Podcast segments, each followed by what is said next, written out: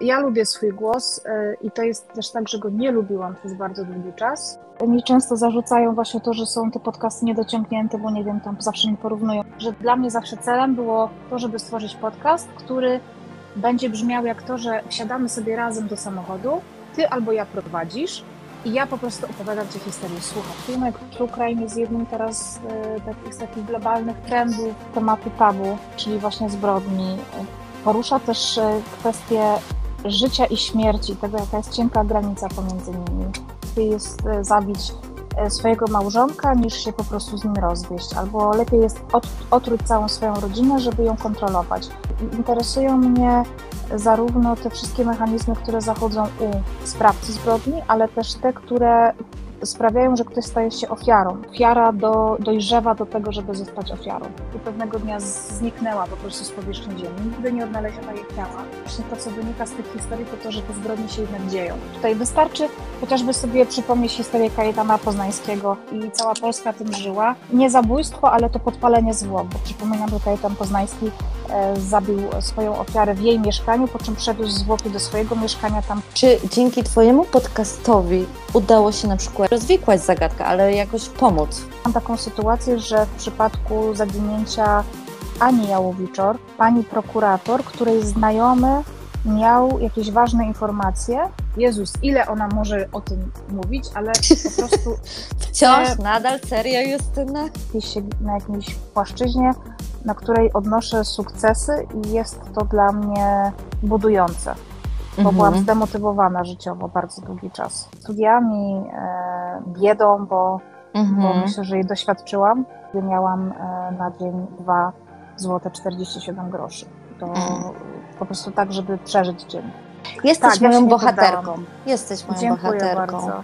Czego Działa. widzą, tego sercu nie żal.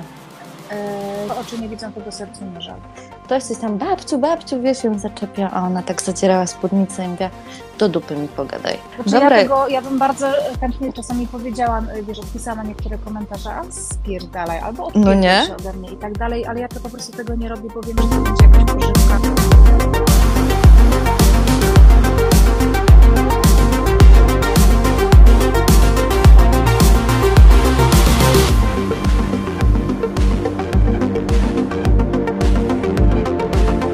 Cześć Justyna. Cześć. Jak się dzisiaj miewasz? Wyspałaś się? Wyspałam się. Tak, e, po raz pierwszy od bardzo, bardzo długiego czasu się wyspałam i dzisiaj mam e, po raz pierwszy od długiego czasu energię, więc e, mamy z nagraniem w bardzo dobry dzień. O, to bardzo, bardzo się z tego powodu cieszę, bo powiem Ci, że jak pierwszy raz odpisałaś mi w ogóle, że się zgadzasz na rozmowę, to powiem Ci, że ja miałam takie, o Boże, wow, ale super, tak się ucieszyłam, naprawdę. Ojej, bardzo mi miło. Naprawdę bardzo, naprawdę bardzo się ucieszyłam. Nie, nie sądziłam, że odpiszesz, a odpisałaś i po chwili miałam, słuchaj, nagle taki szok. Tak mhm. mi się mhm. wszystko zaczerniło, zestresowałam się i sobie pomyślałam, kurde, przed chwilą chciałam zadać tyle pytań, wiesz, ja sobie myślę, a mam teraz taką pustkę w głowie, Boże, o czym miałam z tą Justyną porozmawiać, nie? O wszystkim. o, o wszystkim, o życiu. I, I powiem Ci tak, zaczynam zazwyczaj, że mm, siadam przed komputerem, piszę imię, nazwisko osoby, z którą mhm. będę rozmawiać i wtedy zaczyna się dziać tak zwana magia. Wow. I napisałam coś takiego. I słuchaj, ciekawa jestem, jak się do tego mhm. Ile Justyny Mazur zostało w Justynie Mazur-Kudelskiej? O, to ciekawe pytanie. No nie? No, Justyną Mazur-Kudelską stałam się w wieku 35 lat, więc mówimy o 35 latach życia Justyny Mazur. Mhm. Mm.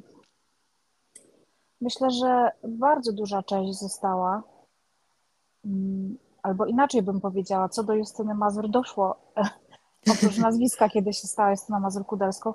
Znaczy, ja jestem tą samą osobą, e, to z pewnością, natomiast ja też przeszłam bardzo wiele e, zmian, więc trudno mi to łączyć tylko z samym ślubem. Natomiast to, co na pewno po ślubie doszło, to albo się zmieniło, to jest jednak e, u mnie tak przynajmniej było, że, że miałam takie poczucie większej odpowiedzialności za wspólne życie, za drugą osobę. Mm, więc nie postrzegałabym tego, ile mnie zostało teraz we mnie po ślubie, tylko raczej co nowego doszło, a to, co się zmieniło w Justynie Mazur, to raczej się zmieniało głównie przed ślubem, mhm. chociaż te ostatnie dwa lata też są dość e, takie pełne zmian, e, więc trudno mi to e, w ten sposób ubrać, ale to jest bardzo ciekawe pytanie.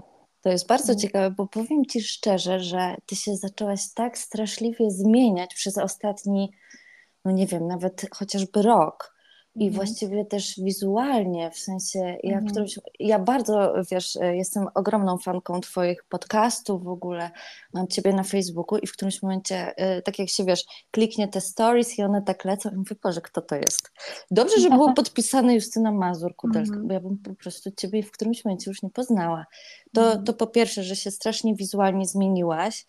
E, I jak ty się czujesz w takiej nowej roli, nowej siebie? Czy to jest taka mhm.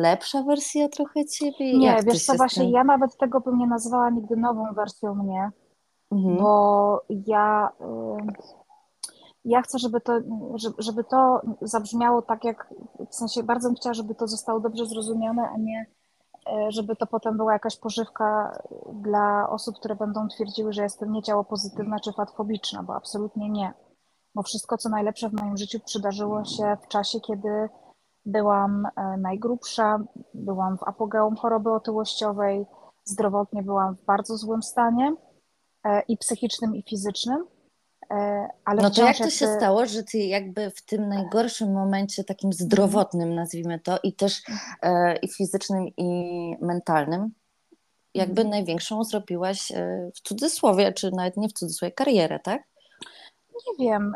To właśnie to jest może do, najlepszy dowód na to, że że, że otyłość nie ma żadnego wpływu na to, kim się jest w środku, w sensie jakie ma się predyspozycje, jakie ma się talenty, umiejętności, kompetencje. Myślę, że to jest najlepszy dowód na to bo teraz mhm. y, ja mam z mojej perspektywy, ale oczywiście ja żyję w jakiejś takiej bańce i nie widzę szerszego y, obrazu. Ja mam teraz takie poczucie, że ta moja kariera y, trochę wyhamowała, trochę się tego nawet obawiam, więc teraz, tak jak ludzie sobie mogą to wyobrazić, że teraz powinnam po prostu, nie wiem, biegać, latać, skakać, po prostu robić wszystko, co, co najlepsze, a to właściwie robiłam wcześniej, a teraz jest może taki bardziej czas dla mnie, ale chcę właśnie wrócić, że to nie jest nowa wersja mnie, tylko właśnie ja wracam do tego, co było zanim zachorowałam. Ja mam bardzo duże poczucie powrotu do samej siebie. Nie żeby, mhm. znaczy inaczej, otyłość mi odebrała bardzo wiele e, radości z życia. Ona mi odebrała e, przede wszystkim mm, pewność siebie, którą potem musiałam bardzo mocno, być może właśnie zawodowo odbudowywać. E, ale też zabrała mi taką mobilność i i dostęp do własnego ciała, kontakt z tym ciałem, nie wiem, u mnie to był bardzo trudny proces i on trwał wiele, wiele lat. I teraz nawet ostatnio byłam na takim e, spotkaniu z moimi przyjaciółkami i mhm. właśnie jedna z nich mówi, e, że jej mąż powiedział, ej, Justa to teraz wygląda tak, jak wyglądała na studiach. No i właśnie to jest najlepszy dowód na to, że, e, że ja po prostu, ja jako ja w swojej głowie nigdy nie byłam grubasem. To jest bardzo często, mówię tutaj też celowo to słowo grubas, bo bardzo wiele osób, które zmagają się z problemem otyłości, nawet po utracie wagi, dalej w głowie zachowują się jak gruba osoba, czyli bardzo się wstydzą jeść, bardzo mają wiele takich, tych, takich negatywnych e, rzeczy, które powstały poprzez takie społeczne uwarunkowania tego, e, kim były, jakie były, jak ich społeczeństwo traktowało, ja tego nigdy nie miałam. Ja zawsze w głowie byłam gdzieś tam tą taką Justyną, e, która, e, która wygląda teraz tak jak ja. Mhm. I może też z tego tytułu miałam jakby taki bardzo duży rozdźwięk, więc ja teraz się czuję tak, jakbym po prostu zdjęła jakieś takie bardzo ciasne buty. E, jest mi po prostu w życiu teraz wygodniej, ale chcę, żeby to też wybrzmiało, że nie twierdzę, że jest to jedyna metoda do tego, żeby się poczuć w życiu dobrze, kiedy się choruje na otyłość, bo mhm. ja się zaakceptowałam, zanim e, przeszłam operację e, i leczenie. Mm, więc gdybym tego nie zrobiła wcześniej, to myślę, że bym nigdy nie dopuściła e, do siebie takiej możliwości, że właśnie mogę się zoperować, mogę się wyleczyć. Nie wierzyłam w to też za bardzo, że to jest to możliwe. Więc u mnie jest to jakby teraz taki proces powrotu do siebie i jestem bardzo na tym teraz chyba życiowo skoncentrowana. No dobra, dla... ale mhm. czy też mentalnie i tak wiesz, się zaczęłaś czuć przez to lepiej? Nie wiem. Myślę, że się, no. myślę, że się zaczęłam, że się czuję e, spokojniejsza. Na pewno czuję w sobie mhm. dużo, dużo większy spokój. Ale też wiesz, zdjęłaś te doczepione włosy, przyciemniłaś mhm. chyba też troszeczkę kolor mhm. i tak właściwie to, to w sumie bardzo, bardzo się zmieniłaś. Czy to też mhm. jakby y, świadczy o tym, że w twojej głowie jakieś te puzzle zaczynają się z powrotem układać właśnie tak? Mhm. Znaczy wiesz, ja doczepiane włosy zdjęłam z bardzo prozaicznego powodu, ponieważ e, nosiłam je przez około półtora roku, e, bo miałam bardzo mocno rozjaśnione włosy, bo jakby ja się czuję blondynką taką bardzo jasną. Aha. Jest to mój ukochany kolor włosów. No i jak każdy, kto farbował kiedyś i rozjaśniał włosy, wie, że te włosy są po prostu zniszczone. Więc ja te włosy rozjaśniałam przez 8 lat przed tym, jak e, zdjęłam doczepy. E, chciałam zawsze mieć długie włosy, e, ale z racji tego, że one się wykruszały, to nie, nie, nie dały się zapuścić. No i w pewnym momencie stwierdziłam, skoro jest taka możliwość e, do czepienia włosów, to czemu z tego nie skorzystać, jakby zagęszczenia mhm. tych włosów. I to zrobiłam. Natomiast przed operacją zdjęłam te doczepy, dlatego że po operacji bardzo częstym skutkiem ubocznym jest wypadanie włosów, a że doczepy są dość ciężkie, no to nie chciałam dodatkowo tych włosów obciążać. Więc Jasne. zdjęłam te doczepy. E, włosy faktycznie zaczęły mi powoli wypadać, więc miałam takie po prostu piórka i stwierdziłam, że nie będę już tych włosów bardziej obciążać, że skoro teraz ten organizm przechodzi taką zmianę, to ja po prostu wrócę do naturalnego koloru, niech te włosy sobie odrosną, niech odżyją. Więc jakby to jest element tego procesu e, takiego powrotu do samej siebie, jakby i dania po prostu mm -hmm. temu mhm. organizmowi e, takiej regeneracji, o tak, a nie obciążania go dodatkowo, więc to, to nie był przemyślany wizerunkowy jakiś zabieg, raczej wszystko się to e, czy, no, koncentruje wokół tego, żeby dać temu organizmowi teraz robić to, co dla niego najważniejsze. Ale to zobacz, to wychodzi na to, że ty musiałaś się stać Justyną Mazur-Kudelską, żeby wrócić poniekąd do Justyny Mazur sprzed lat. Bardzo możliwe, tak. tak. Chociaż y, małżeństwo w moim przypadku nie było niczym takim, co e, nie wiem, y, dało mi jakieś takie poczucie, okej, okay, to jest odhaczone, to jest jakiś mój wielki plan życiowy, nie, nie, nie. E, więc no, ale dobrze, przyjmijmy, że był to ten okres, bo to faktycznie zdarzyło się w tym bo roku. To się jakoś ja tak razem, taką nie? przemianę mentalną. Mm. Tak, tak, tak. Mm-hmm. Dlatego ja nie mówię o tym zupełnie, wiesz, że się e, tutaj jakby na siłę staram, że, że to ten mm-hmm. mąż, wiesz, tutaj jakby stał się ten, ale tak. właściwie dużo osób mówi, że po ślubie mm, dużo się zmienia jednak mimo wszystko. A co uważasz ty na ten temat? Czy się dużo zmieniło? Bo nie, też nie i długo byliście przed ślubem mhm. chyba z Krzysiem razem byliście tak. z 5 lat? Czy, czy się mylę? Nie, dłużej. My jesteśmy dłużej. razem od 2015 roku. Ślub wzięliśmy w 2021. Aha. To jest to chyba, aha, to, to jest 6 lat. No to, no to tak, teraz jesteśmy razem 8 lat. Dwa lata po ślubie. Mm. Zmieniło się i się nie zmieniło. W sensie, jeżeli ktoś oczekuje, że. Po, czy jeżeli ktoś na przykład jest bardzo staroświecki i mieszka osobno i po ślubie zaczyna mieszkać razem, to domyślam się, że się zmienia wszystko. Natomiast mhm. tak jak my żyliśmy razem, mieszkaliśmy razem, no to się nie zmienia prawie nic. Mm, chociaż u nas się zmieniło e, chyba dużo w kwestii takiego poczucia się bardzo bezpiecznie w tej relacji, e, mhm. bo ja miałam takie poczucie, że jeszcze gdzieś tam takie głębokie, że ja nie zasługuję na takie rzeczy, na które zasługuje każda inna kobieta. E, że ja jestem po prostu jednym wielkim problemem, więc po co ktoś miałby chcieć prawnie ze mną legalizować związek? Gdzieś tam to się czasami przewijało. Natomiast e, bardzo dużo. To mm, rzeczywiście miałaś takie bardzo niskie poczucie własnej wartości. Tak, myślę, że gdzieś tam e, bardzo mocno jeszcze zakorzenione, że ja odzyskiwałam to na bardzo wielu płaszczyznach, no ale gdzieś tam ono się w takim powiedzmy osobistym, e, w osobistej sferze to się jednak gdzieś tam czasami przewijało. Do tej mhm. pory tak jest, że ja mam czasami takie myślenie, że na przykład teraz mam takie dość spore, czy kłopoty, czy to nie są jakieś gigantyczne kłopoty, no ale były, one spowodowały, że się bardzo, bardzo e, mocno stresowałam przez kilka miesięcy e, i poprosiłam moją rodzinę o pomoc, ale dopiero wtedy, kiedy moja siostra mi powiedziała, i poproś po prostu o pomoc, na przykład babcie, mamy i tak dalej.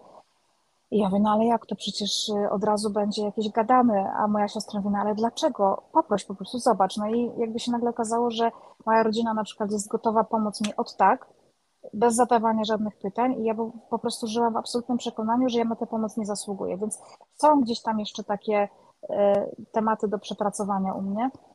Y, natomiast E, po ślubie zmieniło się chyba u nas obojga to, że my po prostu sobie bardziej zaufaliśmy i, i chyba się na siebie bardziej otworzyliśmy. E, I pierwszy rok po ślubie był dla nas bardzo ciężki, bo chyba przez to, że się poczuliśmy ze sobą bezpiecznie, to wyszły na jaw pewne takie konflikty między nami, które po prostu musieliśmy przepracować. Ale no. ostatnie półrocze jest dla nas takie bardzo dobre, spokojne i powiedziałabym, że jesteśmy chyba teraz w najlepszym momencie tego związku dotychczas. No to bardzo, bardzo dobrze i, i życzę mhm. Wam tego, żebyście, no, no wiadomo, no, ludzie się trzeba, wiesz, docierają się i, i to nie jest proste. A pytanie moje dlatego było, czy się coś zmieniło, dlatego że ja mm, ostatnio właśnie usłyszałam od mojej e, przyjaciółki, że jej partner, z którym jest od, e, ojej, no 10 lat, mhm. Nie chce wziąć ślubu, bo on się boi, że po ślubie to właśnie wszystko się jakby rozwali. Jakby, że to bezpieczeństwo to zapewnia właśnie to nie, nie, nie, nie wiązanie się jakby na papierze, tylko tak bardziej, że dla siebie. No Ale myślę, to... że to jest, czy nie chcę tego interpretować i tak dalej, wydaje mi się, że raczej e, e, pewnie powód jest trochę inny, może ten ślub jest jakąś wymówką, natomiast e, to nie są czary mary, że nagle bierzesz ślub i wszystko się zmienia, chociaż Oczywiście, jest wiele nie. związków, nawet takich, które nie wiem, gdzieś tam teraz się rozpadają, a są dość świeżo po ślubie takich, e, nie wiem, kilku influencerek. Więc mhm. może jest w tym coś, że faktycznie może ten ślub był na ratowanie relacji, nie wiem, e, bo tak sobie tylko to um, interpretuję. Natomiast ja też miałam takie obawy, że a co jeśli po tym ślubie się teraz wszystko rozwali, że może ludzie mają też taką obawę, że jeśli teraz się rozstaniemy, jeżeli będziemy chcieli się rozstać, to to będzie takie dużo głośniejsze, dużo bardziej poważne. No e, właśnie. To też zależy, A poza tym, jak jest na... dobrze, to po co to mhm. zmieniać, nie? Jakby też. No tak, no tak. Nie? U nas jednak myśmy ten ślub chcieli wziąć, takie mam wrażenie, ale może każdy z nas się jakoś wstydził przed sobą przyznać, że jednak nam na tym ślubie zależy. I nie wiem z jakiego powodu. Ja chyba chciałam po prostu e, tej ceremonii, żeby, żeby pokazać ludziom, nawet mi nie zależało na takim, e, Boże, takim może formalnym podejściu, tylko właśnie na takiej uroczystości na takiej na złożeniu przysięgi, na pokazaniu mojemu mężowi, że jest tym jedynym mężczyzną, któremu ja ufam, któremu e, po prostu wierzę, z którym chcę spędzić to życie. Mhm. E, ja po prostu osobiście miałam taką potrzebę. Wiem, że są osoby, które nie, nie mają tej potrzeby i jest to zupełnie normalne. To wcale nie oznacza, że ten związek jest lepszy, gorszy, bardziej zaawansowany, czy nie wiem, poważny myśmy mieli taką potrzebę i ją zrealizowaliśmy. Mhm. A ja jestem ciekawa, i teraz uważaj, takie pytanie, mhm. czy ty, Justyna, śpiewasz mhm. miłosne piosenki Krzyśkowi? Tak jak mhm. kiedyś śpiewałaś Ptaśkowi. Nie, nie, nie. Ptasiek to była jedyna osoba, której nawet nie zaśpiewałam, bo się wstydziłam, bo on był profesjonalnym e, śpiewakiem operowym, więc ja e, po prostu nagrywałam piosenki i puszczałam mu te piosenki. E, ale on nie za bardzo ich chciał słuchać, więc Coś ty. tego błędu tak nie chciał słuchać. On, nie, on nie, nie akceptował muzyki popularnej, w sensie takiej, dla niego tylko klasyka istniała. E, może się na tym trochę snobował, ale też nie za bardzo pamiętam, bo to już było wiele, wiele lat temu. Pamiętam, że ja nagrałam, napisałam dla niego jedną piosenkę, puściłam mu tę piosenkę i on był taki chyba raczej zażenowany. O Może mi się po prostu nie podobało.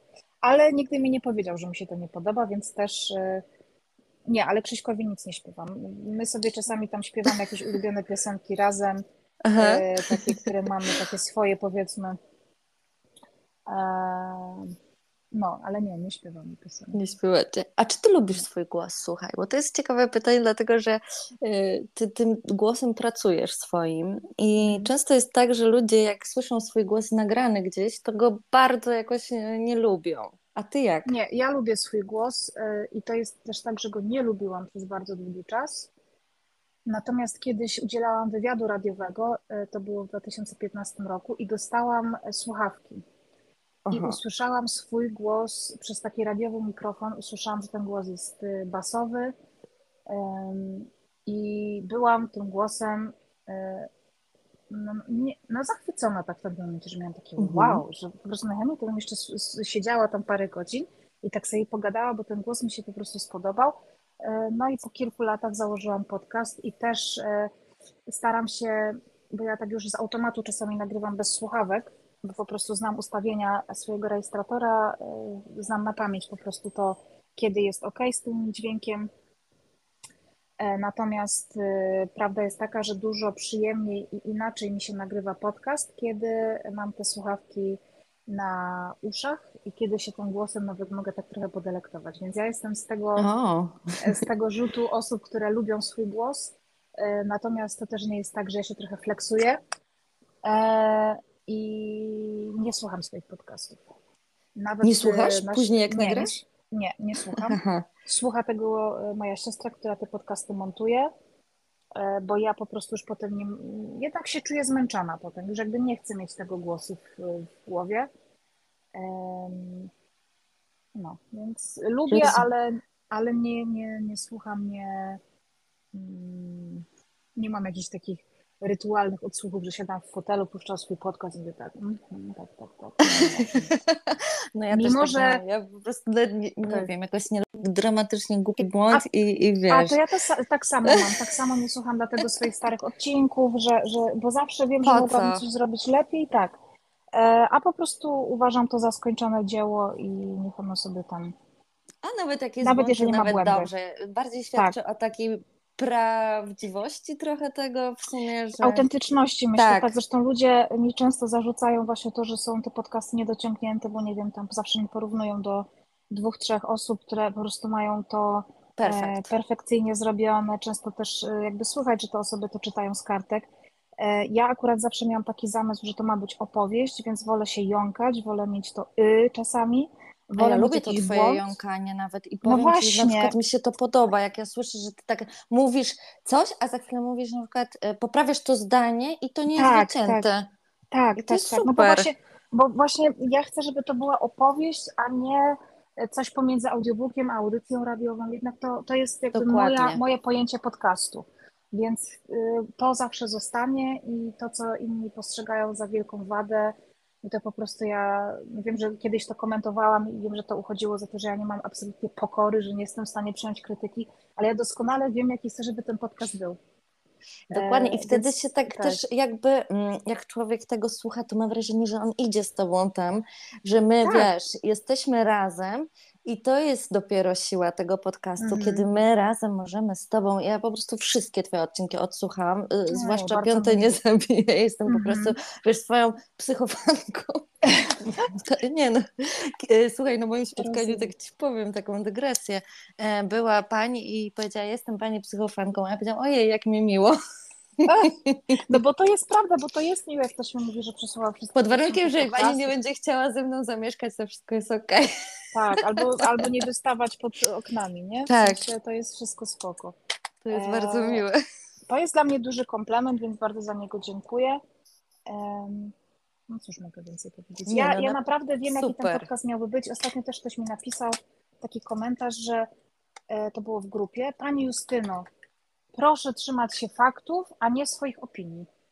O, Nikt ich nie chce słuchać. I, e, i ktoś tam napisał właśnie ten komentarz, jakoś odpowiedział na ten komentarz, że przecież to jest mój podcast i tak dalej, że właśnie to jest fajne. Ja też napisałam tej pani, że jest bardzo wielu twórców, którzy nie dzielą się swoimi wrażeniami, opiniami, swoimi doświadczeniami.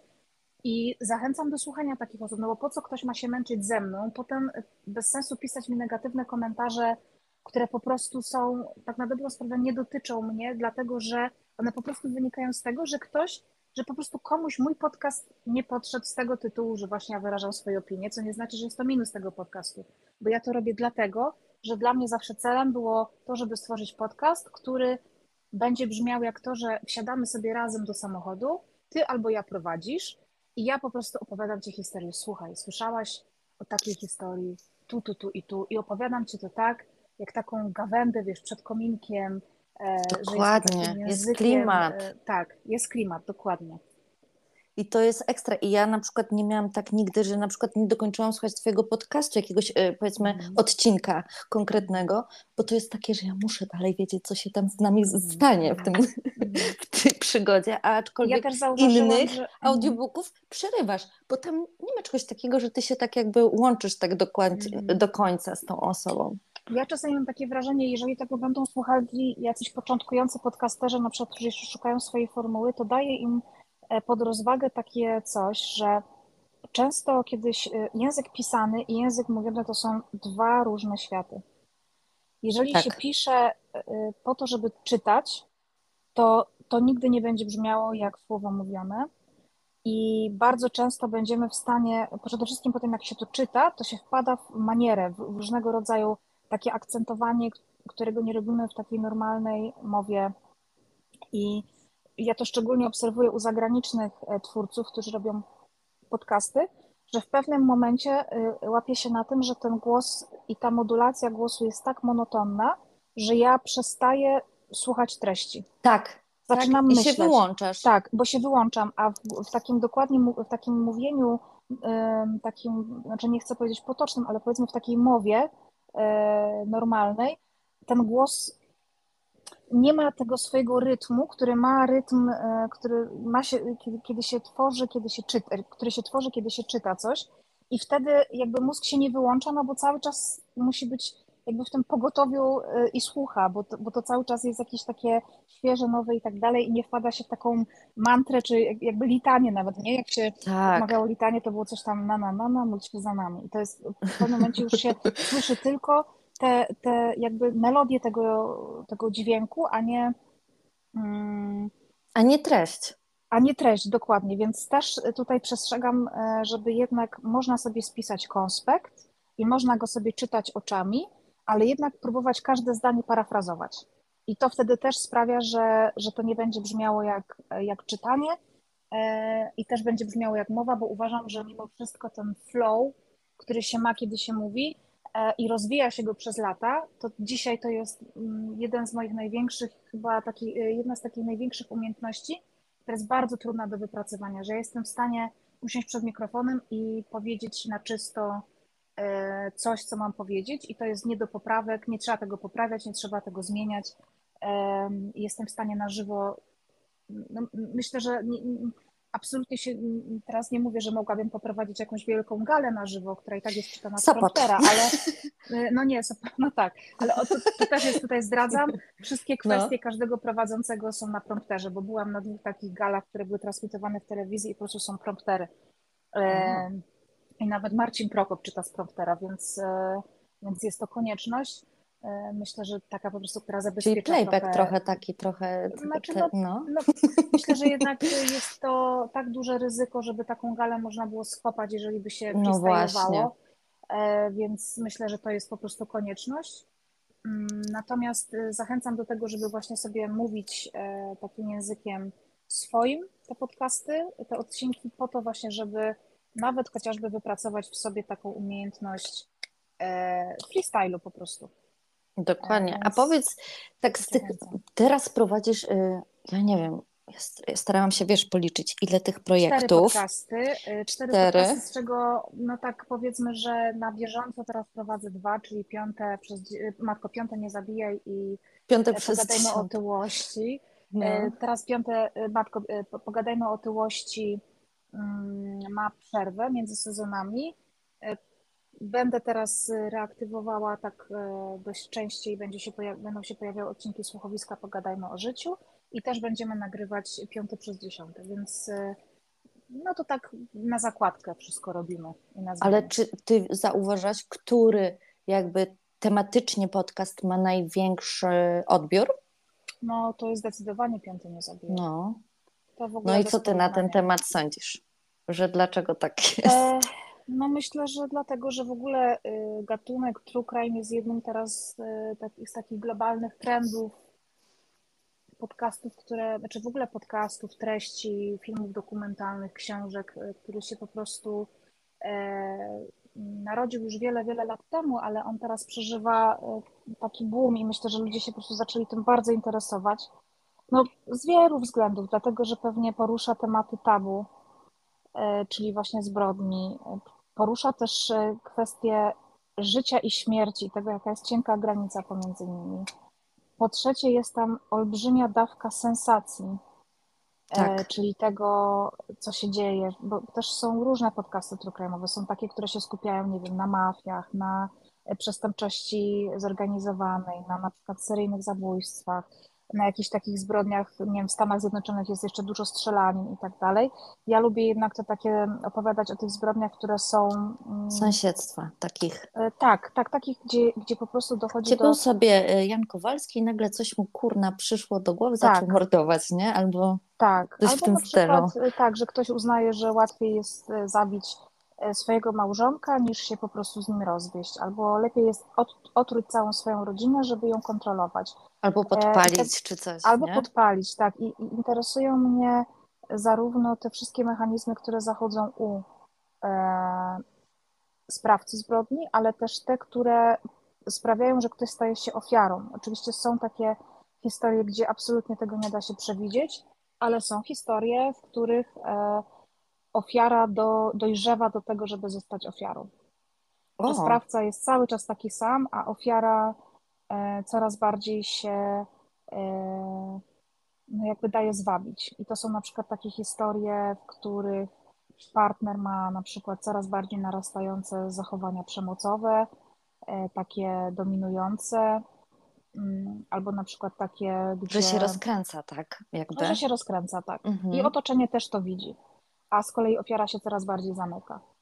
E, I to są właśnie sytuacje, w których e, można zapobiec zbrodni, jeżeli się e, po prostu podejmie jakieś kroki. Mówię tutaj o tym, o osobach, które są z zewnątrz i które mogą wpłynąć na swoją bliską osobę. To oczywiście będzie bardzo trudne, bo bardzo często te ofiary są mocno zmanipulowane.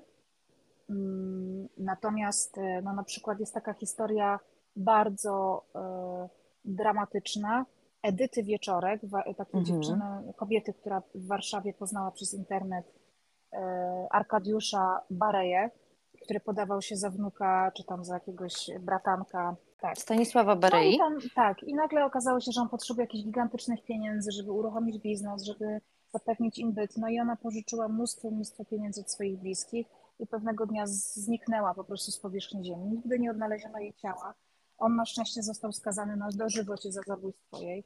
E, I, I, otoczenie widziało, że, że po prostu są sygnały, że on się nie chce spotkać z bliskimi, że on nie chce um, tam czegoś, że no po prostu było widać, jak z jednej strony e, nic się w tej historii nie klei, e, jak z drugiej strony, jak ona jest, czuje się zagrożona, z trzeciej strony, jak ona też już czuje, że coś jest nie tak, więc przestaje mówić swoim bliskim o tym, co się dzieje, i bliscy mogli i w jakiś sposób może drastyczny zareagować. Mhm. E, I może dzisiaj do taby żyła, no ale z drugiej strony, kto mógł wiedzieć i przypuszczać, że to się w taki sposób skończy. Ale może właśnie to, co wynika z tych historii, to to, że te zbrodnie się jednak dzieją. I one się dzieją zazwyczaj właśnie na takiej ulicy, jak nie wiem, moja czy twoja, że to są zbrodnie za ścianę, że to nie są e, jakieś dziwne, mm, nie wiem, w innym kraju, jakieś, to tak, się u nas nie kraju, dzieje. Tak, to się wiesz. dzieje tutaj. Tak, to się dzieje tutaj. Wystarczy chociażby sobie przypomnieć historię Kajetana Poznańskiego, który no prawda? E, ja to pamiętam, to było tak, e, tak, w ogóle niedawno dosyć, znaczy to, tak. to było już dawno, ale dla mnie to, to było no takie... nie, to się zda, zdarzyło przedwczoraj no. niemalże, nie? bo to no. był 2004 rok 16 czy 17 e, i cała Polska tym żyła. I jak ostatnio rozmawiałam tam ze znajomymi, to się okazało, że to się działo w bloku obok, nie? Tam kogoś. Nie, nie, zabójstwo, ale to podpalenie zwłok, bo przypominam, że Kajetan Poznański e, zabił swoją ofiarę w jej mieszkaniu, po czym przewiózł zwłoki do swojego mieszkania, tam chciał Tą korepetytorkę chyba, czy tak, jakaś... Tak, korepetytorkę włoskiego, tak. Mhm. E, tak, tak. więc, tak. No. Więc na pewno też by się znaleźli jacyś moi znajomi, czy dalecy znajomi, którzy mieszkali E, obok tego mieszkania, e, gdzie popełniono zabójstwo. Nie? Ale w ogóle wiesz co, przez to teraz, że e, taka sytuacja się wydarzyła, jak słyszę, że ktoś ma na imię Kajetan, to mi kurde od razu, wiesz, No, są takie No. imiona, które zostały zrujnowane. Zrujnowane, przykład a imię przecież- Adolf. Mhm. Nie, no tak. Alfons. Tak, tak, tak, dokładnie. Słuchaj, a powiedz mi, bo to jest bardzo ciekawe. Najczęściej na koniec, y, o ile nie zawsze, swoich Mhm. podcastów mówi, że jeżeli ktoś coś wie albo ma informacje, Mhm. to niech się odezwie albo do ciebie, albo mm, po prostu do Do policji, służb, tak. do służb.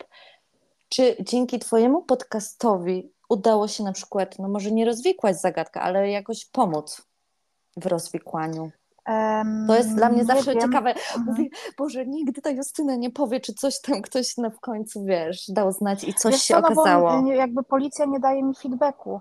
Natomiast Aha. e, miałam taką, miałam kilka takich sytuacji, e, które przekazywałam dalej, po prostu wysyłając je do, e, na, znaczy do policji, bo ktoś do mnie napisał i prosił o to, żeby nie forwardować tego maila, tylko przykleić treść jakby, jakby że, że ja jestem tym takim powiedzmy filtrem, który to gdzieś tam urywa ten ślad e, tego dono, powiedzmy donosu czy tam jakiejś informacji. Natomiast miałam taką sytuację, że w przypadku zaginięcia Ani Jałowiczor e, odezwał się do mnie, mm, odezwała się do mnie pani prokurator, której znajomy miał jakieś ważne informacje. No i faktycznie skontaktowałam tego znajomego z bratem Ani Jałowiczor. E, No i coś tam chyba się dzieje w tej sprawie, ale nie wiem. E, Nie wiem Mhm. co, podejrzewam, że po prostu e, no, jako, jakieś śledztwo trwa, więc. Bo czasami mówisz, że, że robisz takie, albo że może zrobisz takie update'y, że niektóre sprawy, na Mhm. przykład te niewyjaśnione, y, okazały się w Mhm. międzyczasie już wyjaśnione, nie? Tak. No, ale z, zrobiłam to w odcinku setnym, że podsumowałam Mhm, właśnie tak. wszystkie 100 odcinków, co się tam zmieniło, więc raz na jakiś czas może będę robiła coś takiego. Teraz zbliżam się powolutku do 150, więc może przy 150 Ja. to zrobię. No. No, to będzie na pewno ciekawe, o ile coś tam Tak. się pozmieniało. A powiedz mi, bo przeczytam Twoją książkę Mhm. i bardzo mi się podobała.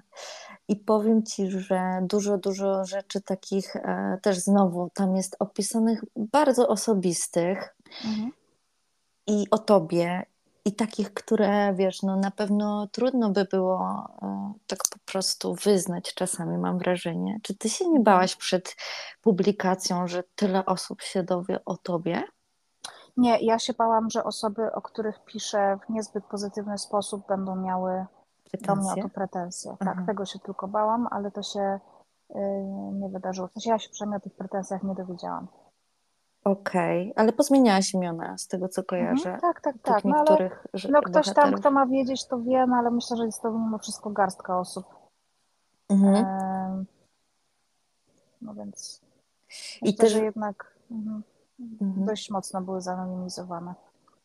Bo ja też miałam wrażenie, że ta twoja opowieść to jest trochę taki jakby, no bo to są małe końce świata, czyli takie twoje trudne momenty życiowe albo jakieś zakręty Mhm. wręcz, że jak ty to spisywałaś, to nie było takie terapeutyczne z jednej strony. Że ty wypisałaś to na Było. kartkę, bo czasem tak nawet psycholodzy y, radzą, że jak Mhm. jest coś takiego, napisz to na kartce, spójrz na Tak. to, zapoznaj O, się może z tym. to był najlepszy moment, y, to, to może tak powiem, że No. napisanie tej książki, wydanie jej i jeszcze czytanie audiobooka, który y, nagrywałam w lipcu 2021 roku, czyli kilka tygodni przed ślubem, to była najlepsza transformacja z Justyny Mazur w Justynę Mazur-Kudelsko. O, Że zamknięcie tego w książkę było najlepszym takim e, chyba mm, takim zamknięciem jakiegoś etapu, czy jakąś taką transformacją może, że, że, że to się po prostu zamknęło w jakiejś, e, jakąś formę, która jest skończona i, i może mogłam pójść dalej. I co, doznałaś jakiegoś takiego ukojenia w którymś momencie? Nie wiem, ale może miałam takie poczucie e, Pogodzenia takiego się. właśnie domknie, domknięcia, domknięcia może czegoś. Bo Mhm. e, często dostaję takie pytanie, czy ja coś w tej książce zmieniła. Nie, nic bym nie zmieniła, chociaż e, po wydaniu tej książki nastąpił epilog co do pierwszego rozdziału, że ja się spotkałam z Maćkiem. Mhm. E, Maciek przyszedł na mój ślub, moja mama Tak. zrobiła mi taką niespodziankę, że go zaprosiła i potem się spotkaliśmy, rok temu się spotkaliśmy na, w Warszawie na piwie i też przegadaliśmy po prostu pół wieczoru. No, mieliśmy się spotkać na, na krótko, siedzieliśmy chyba z 7 godzin, może nie z 7, ale z 5 na pewno. I po prostu nam się rozmawia, jakbyśmy się nigdy, e, e, jakby nigdy nie było tej wielkiej przerwy między nami, więc to bym może dała w takim epilogu, ale to też mm, może daje taką większą nadzieję do tego rozdziału, chociaż też jakby nie zmienia to absolutnie tego, co w tym rozdziale E, zapadło, że, że po prostu są znajomości, które się kończą i po wydaniu tej książki myślę, że e, taką transformację przeszła jedna z takich e, moich bardzo ważnych relacji w życiu. Nie wiem, co będzie dalej, mhm. ale myślę, że, że po prostu jakaś jej formuła się wyczerpała. Być może ona teraz czeka na jakieś takie nowe rozdanie, natomiast y, ale powiedz, no. jedną rzecz jestem mhm. ciekawa, no bo jak ty mówisz, że miałaś obawę, że ktoś, e, wiesz, może mieć pretensje, o, tak. prawda? Czy po tak. napisaniu tej książki ktoś się do ciebie odezwał z tych nie. osób? Nie. Nie. nie. A nie wiesz, czy przeczytali? Też? Nie wiem. Nie, nie wiesz? Nie mam pojęcia. Natomiast mam wrażenie, przynajmniej w przypadku jednej z tych osób, mhm. że mm, mamy bardzo dużo wspólnych osób w swoim takim, przynajmniej otoczeniu z przeszłości. I myślę, że z ciekawości ktoś tam mógł przeczytać tę książkę, a że wiele osób jest z tą osobą związanych nawet e, rodzinnie, mhm. no to myślę, że mogły do tej osoby dotrzeć pewne rzeczy, ale nie jestem o tym przekonana. Natomiast nawet jeśli, to mam wrażenie, że te osoby są dla mnie na tyle miłe cały czas, że, że albo nie przeczytały, albo mają takie, no tak było, no trudno, to to już się stało, bla, bla, bla, wiemy jak było. No bo, no bo to rozstanie e, z Jackiem, no, właśnie. Było bardzo bolesne i myślę, że każdy z tych bliskich osób, e, każda z tych bliskich osób wie, że generalnie e, no, jak, jak to wyglądało i i że to nie było fajne. Myślę, że może Ptasiek mieć poczucie, że Jezus, ile ona może o tym mówić, ale po prostu. Wciąż, e... nadal serio, Justyna? No, dokładnie, dokładnie. Natomiast mam takie poczucie, e, ja nawet nie wiem, czy, czy ja tutaj mam tę książkę, nie, nie mam jej przy sobie teraz, ale chyba nawet ja na wstępie jest też takiego właśnie na tym, na początku tego rozdziału, że być może wywracasz oczami, jak, jak widzisz, że to będzie rozdział o tobie, czy coś takiego, ale to, każdy z nas, myślę, że przynajmniej większość z nas, największe rozstanie, najbardziej bolesne przeżywa, kiedy się po raz pierwszy w życiu poważnie zakocha i wejdzie w pierwszą poważną relację w życiu. Że mhm. potem każde inne rozstanie jest y, y, inne, też bolesne bywają, ale te są takie, które potrafią nam po prostu zniszczyć y, cały obraz w ogóle tego, jak wygląda świat. Dużą część naszego życia w ogóle, tak. prawda? Wycofać tak, mnie, nas. Mnie, tak, tak, dokładnie. Mnie relacja z nim. E, no, też nie chcę zabrzmieć, żeby, że, że, że tak jakbym tylko jakby wtedy była szczęśliwa, ale nigdy nie byłam tak zakochana jak wtedy. Nigdy nie byłam tak gotowa poświęcić wszystkiego dla miłości, dla związku, dla drugiej osoby to też wynika z tego, że ja wtedy miałam 17, 18, 19, 20 lat. Um, Bo to jest jak wiesz, pierwsze uderzenie heroiny, tak. nie? Ten no, pierwszy tak, strzał, tak, tak. znaczy ja nie wiem, ja ale słyszałam, że właśnie ten pierwszy strzał to nigdy tak. już później nie, kolejny nie jest, tak. wiesz, tak silny, taki... No tak, ale nigdy nie jesteś potem, nawet jeżeli potem już nie wierzysz tej heroinie, to nie jesteś w stanie o tym zapomnieć, jak ci było wtedy no. I, I to jest myślę, że to, że, że człowiek ma taką naiwność i taką nadzieję na to, że to po prostu będzie to, że, że to są też relacje ze wszystkimi pierwszymi razami, przynajmniej u mnie tak było. Um, no i to było pierwsze też takie gigantyczne zranienie, pierwsza zdrada, pierwsze e, upokorzenie, pierwsze porzucenie, znaczy bycie porzuconą. E, I myślę, że to chyba było w tym wszystkim najtrudniejsze, że ja też z, dzisiaj, z, dzisiejszej, z dzisiejszej perspektywy rozumiem jego, że w sensie on po prostu być może się wypalił w tej relacji i to, i to jest zupełnie normalne, nie? że on po prostu poznał innych ludzi, uwierzył bardziej w siebie, e, z czegoś zasmakował. No natomiast z drugiej strony też były takie historie, jak po prostu to, że związał się z moją ówczesną przyjaciółką, która mnie Mhm. oszukiwała, że się z nim spotyka, więc mnie nawet w tym wszystkim była bardziej zabolała nawet zdrada z jej strony niż z jego. Ja się po prostu poczułam tak oszukana na bardzo wielu płaszczyznach, tym bardziej, że to wszystko na jego nieszczęście zbiegło się ze śmiercią mojego taty. Mhm.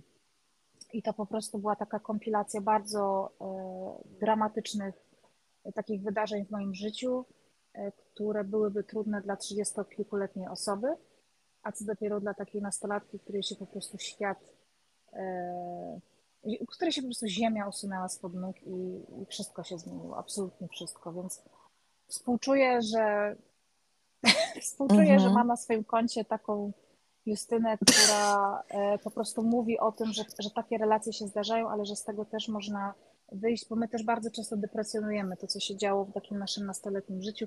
Może też przez to, że rodzice nam mówili, dobra, tego kwiatu pół światu, zobaczysz, Tak. kiedy się zakochasz, coś tam, coś tam, ale nigdy się to nie powtórzyło.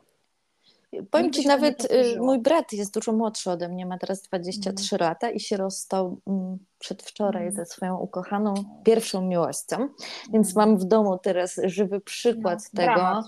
dramat i widzę jego dramat, a rodzice nasi, wiesz co mówią? Mhm. To nie był żaden związek. Co ty w ogóle, Mhm. daj spokój, nie? I jakby ja sobie myślę, No. Boże, jak tak można komuś w cierpieniu powiedzieć, a twoja choroba to w ogóle gówno, daj spokój. Co tu w ogóle No. się przejmujesz? Ale to jest koniec No świata. jest Ale w koniec twoich, świata, tak. końcu, w twoich końcach świata to był najgorszy właśnie ten koniec świata, bo jest ich e, kilka, o ile nie kilkanaście. Kilkanaście chyba tam napisałam. No. No. chyba jest 11 rozdziałów, z tego co kojarzę. Tak, Tak już ci mówię. Ja mam książkę sobą. Wiesz co, ja też nie wiem, ile na przykład moja książka ma rozdziałów. Kurde. Mm. Przecież bo nie siedzę tak i jej myślą, czytam później. Y, Każdy myśli, że się zna własne książki czy podcasty na pamięć, ale y, to nie jest tak. Bardzo 13 często z podziękowaniami. No widzisz. No, policzyłam teraz. E, A wiesz, wymyśliłam y, tytuł na kolejną twoją książkę. Mhm. Jaką? Moje początki świata. Mhm. Znaczy każdy mały, ko- każdy mały koniec świata jest początkiem. No. I to najlepiej chyba pokazuje ostatni rozdział, e, że, że czasami te końce świata mogą być końcem e, jakiegoś złego okresu i, i właśnie początkiem czegoś dobrego. Więc to też nie, nie są takie końce smutne zawsze. E, Tam jest też kilka takich przemian na korzyść, mam wrażenie, więc takie dość ogólne pojęcie z tymi końcami, więc też nie ma się co bać. Ale wszystkie są na korzyść, dlatego że zobacz, kim ty dzisiaj jesteś. Spójrz na siebie, tym, czym Mhm. się zajmujesz, co robisz w życiu, jak ci się ułożyło, czy jesteś z siebie sama dumna. Ja mówię o życiu, wiesz, y, które jest Mhm. prywatne i zawodowe, Mhm, nie? mhm. I teraz Nie, masz ja Jestem odpowiedź. teraz głównie, tak, ja jestem teraz głównie dumna ze swojego życia osobistego, bo bardzo się teraz e, zaczęłam e, zastanawiać, kim jestem, kiedy nie jestem podcasterką. No i No i kim jesteś? zap, no właśnie mm, nie wiem jeszcze, E, bo, bo nie rozumiałam przez długi czas tego pytania, co to znaczy ja jako niepodcasterka. Mm, I zadaję sobie to pytanie coraz częściej i coraz częściej rezygnuję z zawodowych rzeczy, ponieważ wiem, ile mnie będą kosztowały i ja chcę teraz się zająć tym, kim po prostu jestem. W sensie, nie wiem, na przykład chcę mieć czas, żeby przeczytać książkę, bo dawno nie czytałam książki dla przyjemności. Chcę móc y, na przykład pomyśleć o tym, y, jak zajść w ciążę. Wiem, że to brzmi dziwnie, no bo wiemy, jak Słuchaj, musisz dzieci. tak, zdjąć majtki. No tak, dokładnie. męża. Tak, tak, tak. Męża, tak, Nie? oczywiście. Ale wiemy, wiemy jak to Tak, wygląda, no. jak trudno jest e, to czasami e, spełnić to marzenie, E, a tym trudniej jest wtedy, kiedy się po prostu mm, zapracowujesz, tak samo jak mój mąż i nie masz na nic siły. E, Więc no, chciałabym teraz zająć się swoim życiem. Mhm. Bardzo dużą częścią tego życia jest praca, ale nie chcę już dawać tej pracy pierwszeństwa we wszystkim, bo zauważyłam, że jest to pracoholizm. I mimo, że ja nie jestem z tych osób, które mówią, och Boże, jestem taka zapracowana, naprawdę nie mam ani chwili, po prostu muszę wpisać wszystko do kalendarza, Mhm. To jakby nie, nie jestem z tych osób, ale zaczęłam zauważać, że praca pozwala mi nie myśleć albo nie zajmować się własnym życiem, sobą, swoimi jakby pragnieniami, potrzebami, które nie są realizowane. I w którymś momencie się zagalopujesz i sobie zdasz sprawę, tak. o kurde, tyle przeleciało. Ja się zagalopowałam e, i to szczególnie teraz, kiedy mam po prostu kłopoty z urzędem skarbowym i te kłopoty e, nie wynikają z jakiegoś mojego błędu, mhm. tylko z błędu e, mojego księgowego, który po prostu mnie o bardzo wielu rzeczach nie poinformował, myśląc, że ja po prostu się na wszystkim zdam, podczas gdy jakby po to mam księgowego, bo się nie znam no, księgowości. I teraz mam tego duże konsekwencje, którymi się bardzo, bardzo mocno przejmowałam. No i na przykład ostatnio właśnie byłam na takim wyjeździe z moimi przyjaciółkami. Jest ten wyjazd, był to panieńsk mojej przyjaciółki, więc też było dużo takiego powiedzmy stresu organizacyjnego, ale to jest wszystko taki stres, który, o którym nie myślisz, którego nie masz świadomości.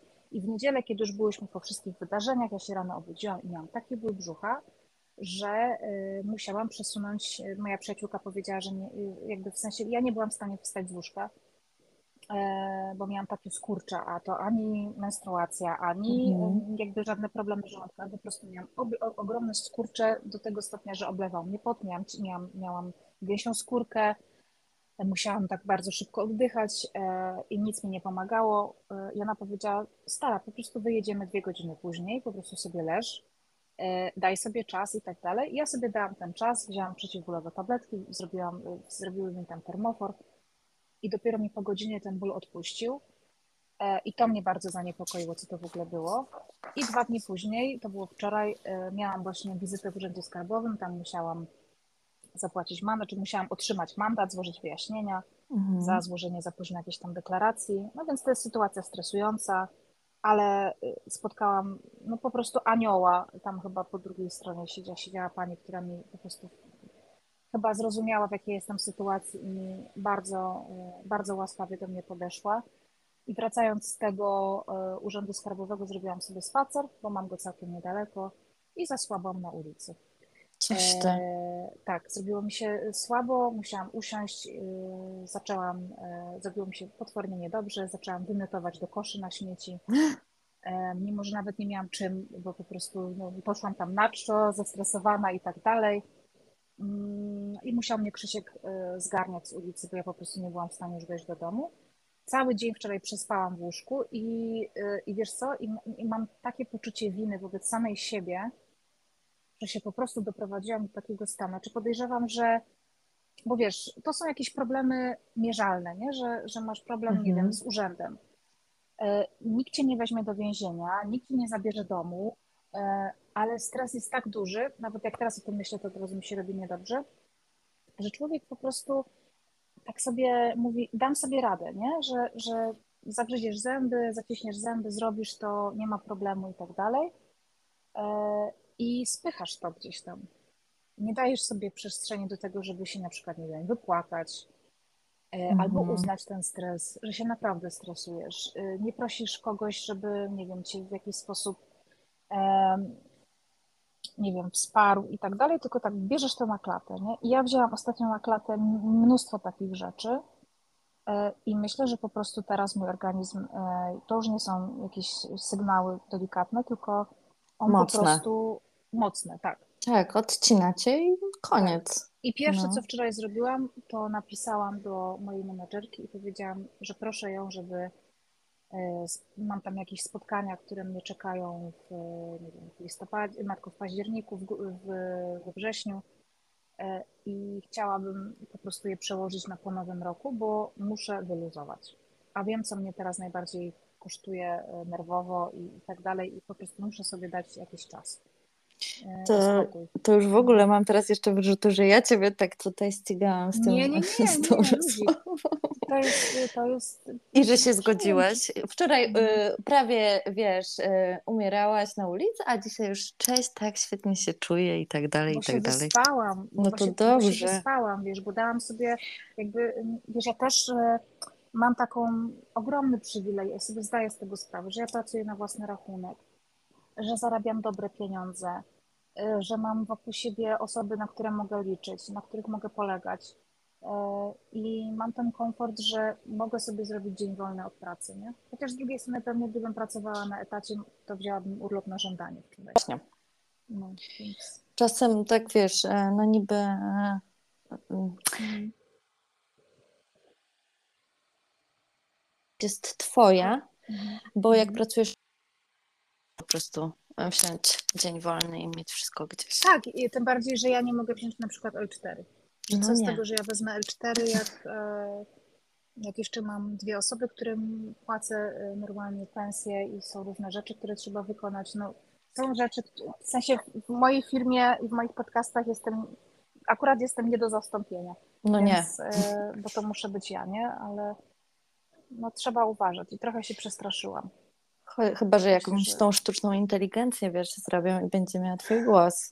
Mój mąż teraz tak właśnie testuje, że jakby to zrobić właśnie, żebym pisała i potem, że coś mi może czytać podcasty czyta, stary, ale ja tego i tak nigdy nie chcę robić. No. Więc, ale, ale testujemy sobie tak, z, czy on sobie testuje właśnie z yy, tak po prostu z ciekawości, na przykład do jakichś lektorów do swoich tam filmów, ale na razie, jeżeli chodzi o polski język, jest to bardzo słyszalne, że jest to sztuczna inteligencja.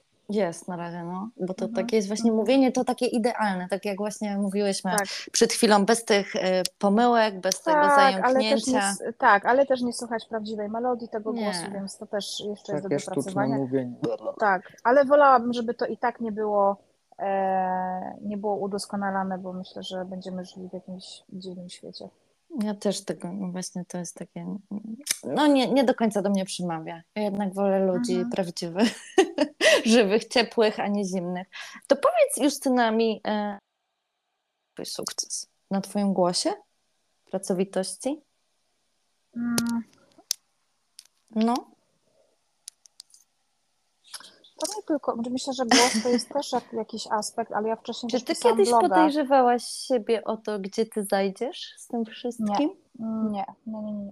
Ja jeszcze y, już mając oba podcasty w 19 roku, y, pracując na etacie, po prostu byłam przekonana, że, y, że jestem jedną z tych takich osób, które że po prostu nie spełniły się marzenia zawodowe, że ja będę zawsze w agencji reklamowej, że będę taką osobą, która nie dostaje awansów, y, która e, się spala w tej pracy. No, miałam takie poczucie, że nie mam perspektywy i dlatego też ja założyłam podcasty, żeby gdzieś się realizować, żeby gdzieś mieć tę satysfakcję. I akurat tak się stało, że, że po prostu na te podcasty był boom, ale też e, ostatnio doszło do mnie takie, e, takie mm, gdzieś tam plotki, które się pojawiły, że ja się znałam z Asią i z Martą, w sensie z Asią Koniewską i z Martą mhm. z pracy i że myśmy sobie wymyśliły jakiś e, po prostu schemat Podbój na podcast, no bo e, znaczy nie, no że wymyśliłyśmy sobie po prostu jakiś schemat na podcast, że zakładamy w tym samym czasie, że Marta to będzie wszystko ogarniać. To jest jedna wielka bzdura, bo ja się z Asią poznałam dopiero poprzez podcasty. Mhm. E, I Asia mnie zapoznała z Martą jakiś rok później, czy tam pół roku później. E, I to się wszystko działo e, zupełnie niezależnie od siebie. A to, że gdzieś tam te podcasty mm, podobnie sobie radziły na pewnym etapie, no to i potem stały się powiedzmy kultowe, no to to jest po prostu mm, znaczy nie, że przypadek, tylko właśnie ten, to, że nam się tak ułożyło, to nas połączyło, a nie odwrotnie, że myśmy się poznały i przez przypadek obie odniosłyśmy sukces. Nie? Ale to fajnie, że się mm. połączyłyście i chciałyście sobie wzajemnie tak. pomóc, bo to też, wiesz, tak. nie zawsze się zdarza, nie, prawda? Nie, no jestem Asi mhm. bardzo wdzięczna, że, że mi gdzieś tam podrzuciła Martę. Jestem też bardzo wdzięczna Marcie za to, gdzie dzisiaj jestem. Bo no i z tego, co kojarzę, to też ta twoja książka y, ujrzała światło dzienne też chyba y, troszkę z ich y, jakby pomocą, bo te wydawnictwo, to wydawnictwo, z którym na początku się mm. współpracowałaś, no okazało nie wypałem. Tak, nie wypałem. To znaczy Asia, Asia nie ma nic wspólnego z moją książką, Marta ma. E, Ale jakby one cię trochę dopingowały w tym, żeby nie odpuszczać czy Marta? Asia nie, mhm. bo ja z mhm. Asią nie pracuję. Y, Marta okay. mnie tutaj bardzo e, dopingowała. Czy, czy przede wszystkim ja po tym złym doświadczeniu z wydawnictwem po prostu zapytałam Marty, czy by nie wydała tej książki. Albo nawet Marta powiedziała, ej, wydajmy to same. E, I tak się zresztą stało. Asia przetarła tak, nam coś szlaki, takiego, więc, tak, gdzieś to y, albo tak, w tak. wywiadzie było, albo coś, ale tak było. Tak. Mhm. Mhm, mhm. No więc, y, y, więc tak to wyglądało. Że też już by Dziś- mogło być, dobra, już to nie będzie tej książki, bo już się nie udało, tak? Nie, ona była napisana, więc No właśnie. po prostu ja ją musiałam odkupić od wydawnictwa w ogóle. Bo Mhm. wydawnictwo zapłaciło za korektę, zapłaciło mi e, tą zaliczkę, więc ja musiałam tę zaliczkę zwrócić i musiałam e, zapłacić za mm, redakcję tej książki, bo prawa do książki, do jakby do mo mojego napisania miało wydawnictwo, ale też miało do tekstu czy z, no, zredagowanego, to są odrębne prawa autorskie, więc musiałam odkupić swoją własną książkę. Ale y, nie jesteś w tym sama. Ja miałam to, taką sytuację, że mój wydawca, ja napisałam Alicję w Krainie Tajów, no a że nie jestem o- osobą popularną, y, no to ta książka tak się z tą sprzedażą nijak miała i mój wydawca powiedział, albo ty ją odkupisz, albo ja ją przerobię na granulat. E, I ja miałam to samo. I ja mówię, nie no kurde, no przecież no nie, nie, nie przerobię na papier to, ale to moje książki. Odkupiłam ją, słuchaj. I jeszcze po prostu już na koniec takie upokorzenie, upokorzenia, że mi ją przywieźli w tym tirze Mhm. jakimś, e, te wszystkie nakłady. I ja ją jeszcze sama dźwigałam e, do domu. Po prostu z Mhm. płaczem mówię, kurwa mać, no tyle się namęczyłam, tyle nastarałam i po prostu jeszcze ją dźwigam na plecach dosłownie żeby ją Mhm. zanieść, żeby się nic nie stało. No i to jest takie, wiesz, no. No ale No życie, life, tak? A ja ci powiem, Mhm. ci rozpracowałam tak trochę psychologicznie, czytając twoją książkę, to ja wiesz, lubię tak, tak sobie po, pomyśleć, o co tu chodzi i tak dalej. I mam pytanie jeszcze do ciebie. Ja to nie. Nie. Y, Takiej e, łyżwiarce figurowej, którą Margot e, Robbie grała. e, wiem, wiem, e, wiem o co chodzi, wiem, który to film, nie widziałam No, go, no, ale no. mam go na liście do obejrzenia. Y, No i słuchaj, y, w- y, jak czytam ten rozdział, mm, opis, w którym opisujesz swoje urodziny i mama twoja każe tacie zabrać ci komputer, Mhm. Pomimo tego, że masz jeden z najlepszych wyników y, matury w kraju, to twoja mama jeszcze mówi coś takiego właśnie, i to z książki to, ale nie, to nie już... w kraju, w szkole, y, ale to matura Tak? jest, y, no w, w szkole, w szkole, nie, nie w kraju, na pewno nie w kraju. Dobra, to w, w szkole, że masz...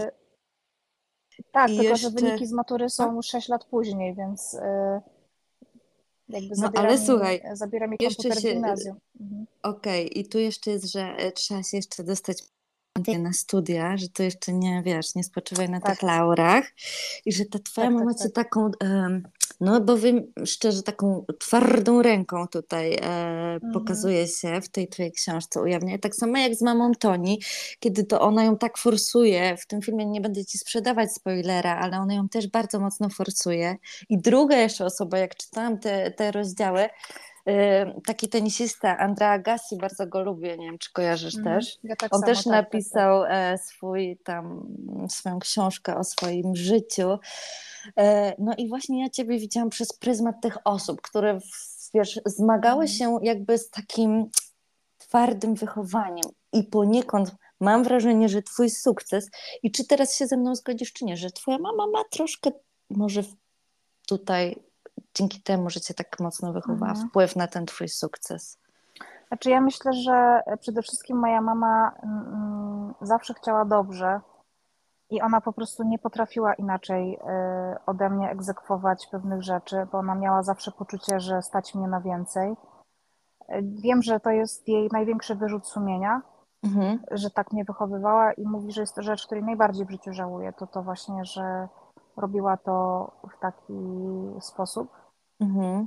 Natomiast myślę, że na pewno y, jedną z takich y, sił napędowych tego, co ja robiłam, i myślę, że do niedawna jeszcze, y, to było to, że, że może, żeby zrekompensować w jakiś sposób to, że mi na tych studiach nie wyszło, że ich nie skończyłam, że latami nie wiedziałam, co będzie ze mną w życiu.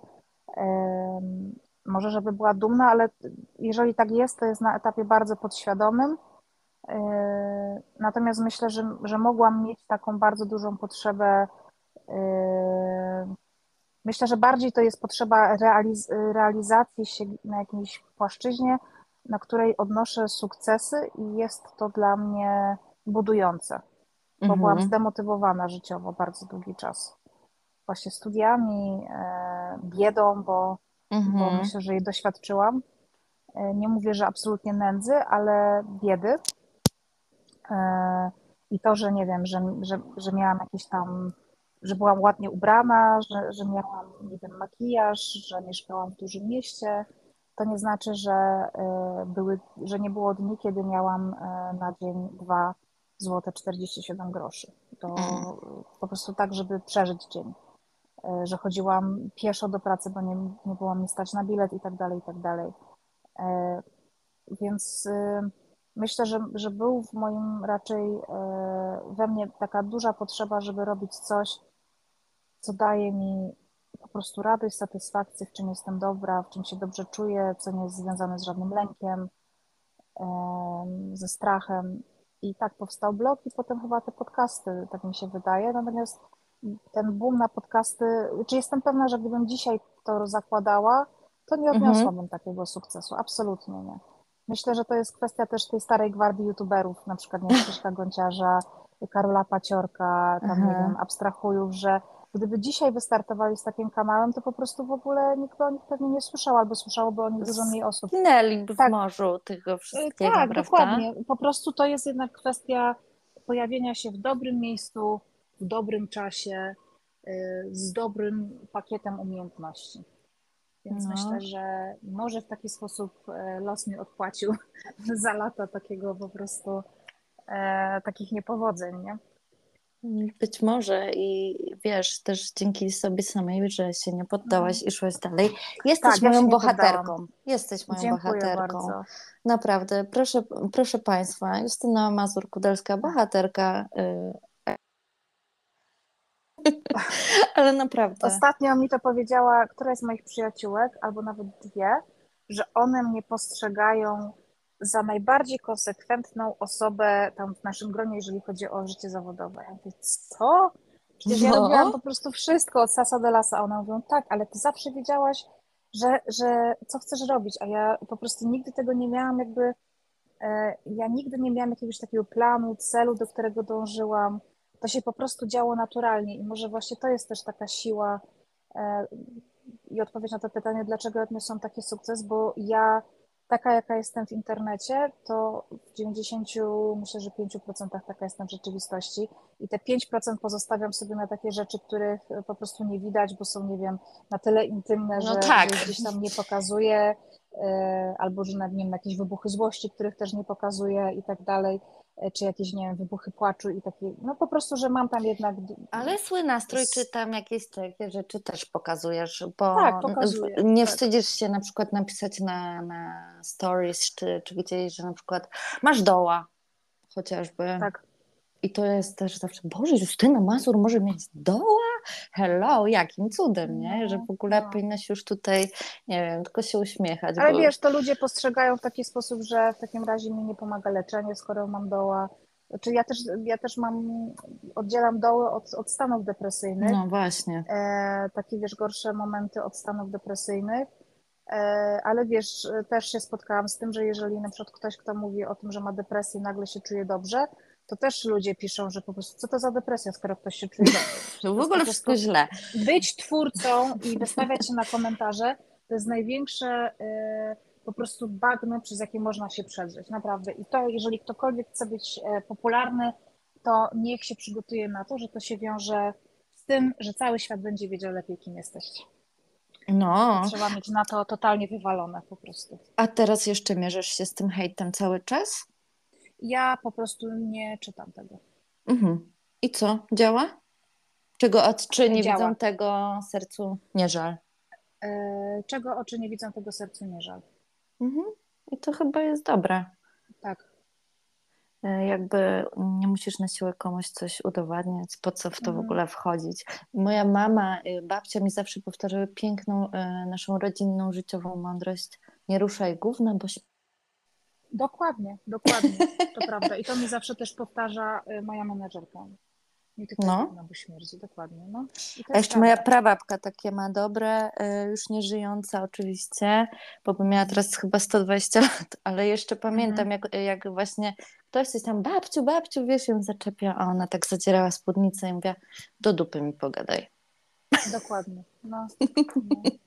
no. No, Znaczy Dobra. ja tego, ja bym bardzo chętnie czasami powiedziała, wiesz, odpisała na niektóre komentarze, a spierdalaj, albo odpierdol No nie? się ode mnie i tak dalej, ale ja to po prostu tego nie robię, bo wiem, że to będzie jakaś pożywka, więc e, no zaraz już moi po prostu mogą mieć będzie. taką świadomość, że mogą sobie pisać, ja tego i tak nie przeczytam, więc e, nie wiem, no ja do tego nie mam e, siły i myślę, że nie ma takiej osoby, która ma do tego siłę Nie ma. e, której to nie ryje bani. E, Więc ja tego nie czytam. Czyta to opłacana przeze mnie osoba, która jest u mnie zatrudniona, e, bo nawet kiedyś robiła to moja siostra, ale moja siostra nawet przestała. jej to zryło banie. Tak, zryło to banie, bo to jest o jej siostrze. No. No tak, I to jest po prostu za blisko. za bliska relacja. Więc, tak, za bliska relacja, więc płacę innej osobie, która po prostu to robi. No. Która bez emocji podejdzie do tego takich, no Też się nie? przejmuje, bo ona mnie też bardzo lubi. Myśmy się też bardzo tak jakby y, zakumplowały po drodze. Mm, Natomiast najciekawsze jest to, że jest to studentka piątego roku medycyny, e, którą zdaje z wyróżnieniem każdy egzamin. Nie wiem, jak ona to robi, że ona moderuje. Jezu. Y, tak, no. Geniusz. Więc to jest geniusz, tak. Julia jest geniuszką i bardzo serdecznie ją pozdrawiam. Bardzo Ci dziękuję, że w końcu udało mi się. Hurra, Tak, dziękuję z Tobą też. porozmawiać. Jeśli podobał Ci się ten odcinek, koniecznie daj mi o tym znać. Subskrybuj i napisz. Zamów książkę Alicja w Krainie Taju. A już w kolejną środę nowy odcinek oczami Alicji i nowy gość. Zapraszam.